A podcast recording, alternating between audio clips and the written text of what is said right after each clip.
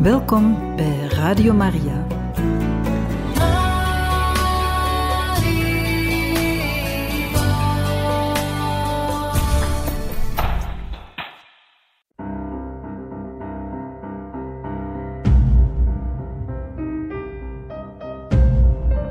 Het woord spreekt. Een programma van Radio Maria.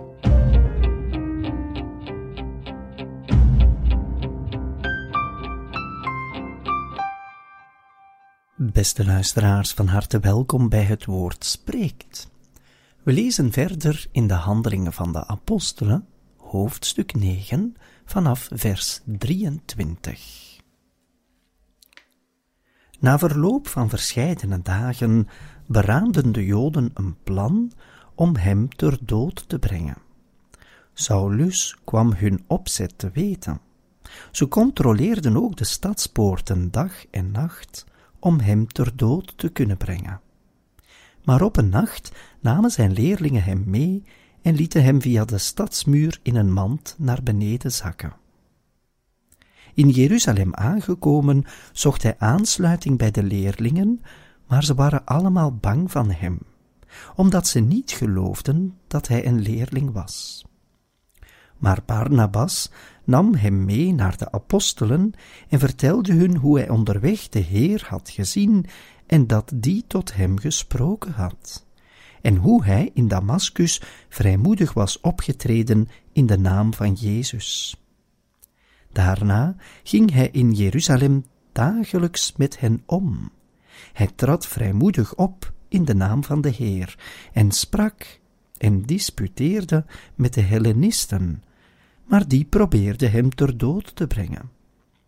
Toen de broeders dit te weten kwamen, brachten ze hem naar Caesarea en stuurden hem vandaar naar Tarsus.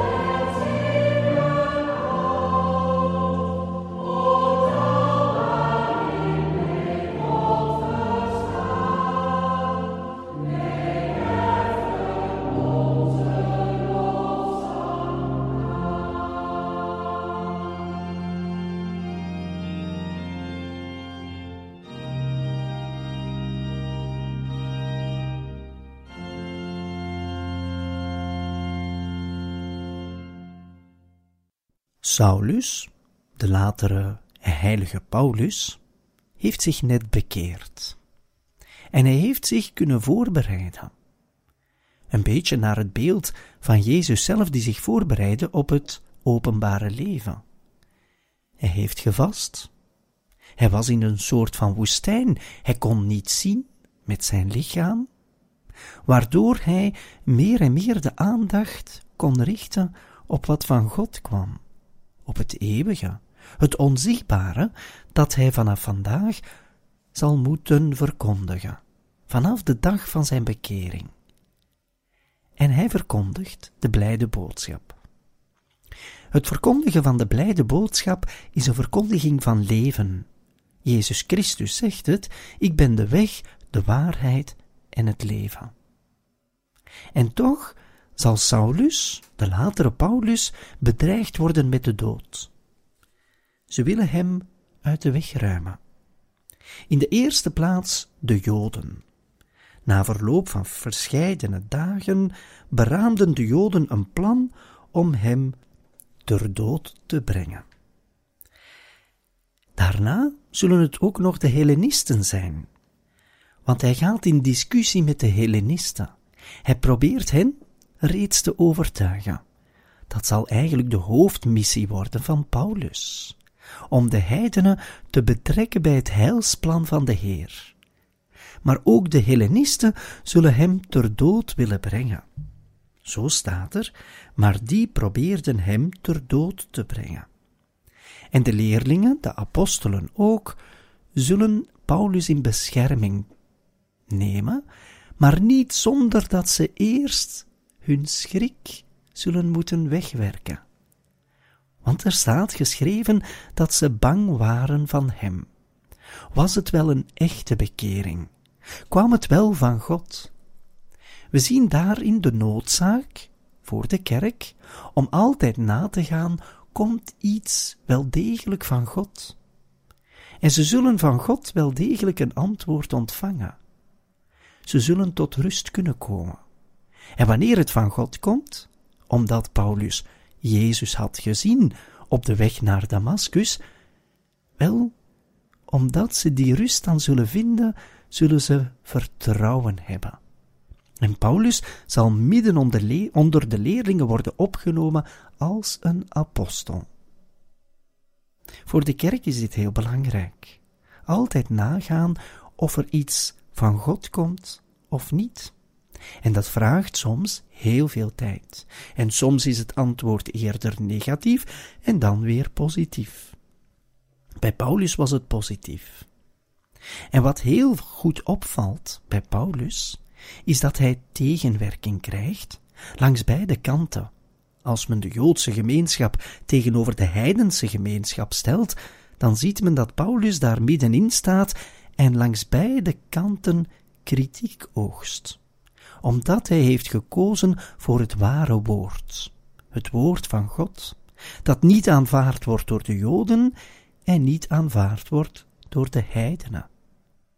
De Joden geloofden niet dat Jezus de Messias was. Ze hadden niet begrepen dat het een Messias was die kwam van bij God, maar die de laagste plaats had ingenomen. De Joden verfoeien de boodschap van Jezus, een boodschap van leven. En ze zullen kiezen voor de dood, te geven aan degenen die Jezus volgen. De heidenen daarentegen kennen niets van het heilsplan van God. Het heilsplan dat hij had vanaf het begin met de gehele mensheid. Zij kennen dat niet, zoals de Joden het wel kenden, omdat de Joden als uitverkoren volk van God wel degelijk opgevoed en opgeleid waren daartoe. Zij hadden het kunnen begrijpen, maar ze hebben het niet begrepen, en degenen die het wel hadden begrepen natuurlijk, hebben zich bekeerd. De Hellenisten, die nu in de passage die we hebben gelezen symbool staan voor de heidenen, wel konden het niet weten, maar zij worden nu mee opgeleid. En dat zal Paulus doen tijdens zijn missies in Griekenland, in de hele regio van de Middellandse Zee en in Rome. Paulus zal het leven, Jezus Christus dus, die ook de waarheid is, zal hij brengen bij de heidenen. En zo wordt de gehele mensheid betrokken in het heilsplan van God. En iedereen is nu in machte om het te begrijpen. Maar er is nog een goede wil die er aan te pas moet komen. En die goede wil hebben zowel de Joden als de heidenen op dat moment niet. Ze staan niet open voor het leven. Hun eigen leven op aarde is nog altijd gericht naar de dood. Voor ons christenen moet het omgekeerd zijn. Wij richten ons niet op de dood, want die komt er toch, maar wij richten ons op het leven, waardoor de dood geen einde meer is, maar een passage. Een passage naar eeuwig leven, een leven met God. Paulus zal dat verkondigen. Maar hij moet nu eerst ondergaan wat hij later in werkelijkheid ook zal ondergaan bij zijn marteldood.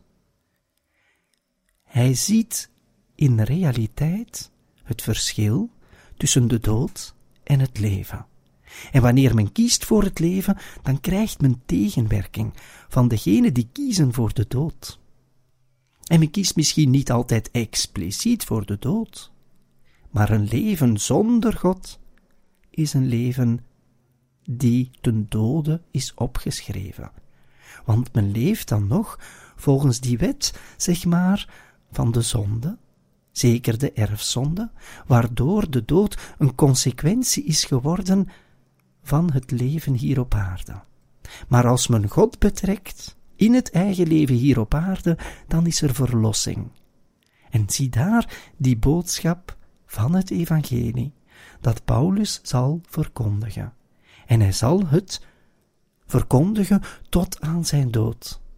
Een dood die zal worden toegebracht door degene die het leven niet aanvaarden.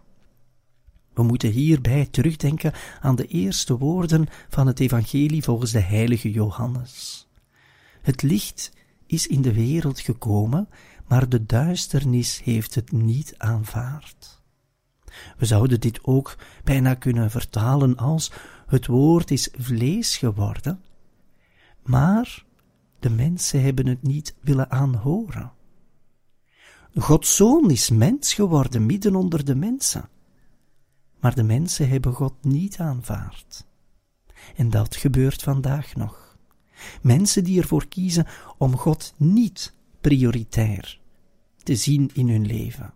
Om niet te luisteren naar het woord, om niet te luisteren naar die waarheid, om niet te luisteren naar het ware leven dat ons aangeboden wordt. Paulus heeft ervoor gekozen tijdens zijn bekering. Aan ons vandaag om er ook voor te kiezen. We zijn vrij, maar we worden ertoe uitgenodigd. Paulus nodigt ons uit, de kerk nodigt ons vandaag nog uit, aan ons om te kiezen, zoals Paulus, voor het ware leven, niet voor de dood, maar voor het eeuwige leven.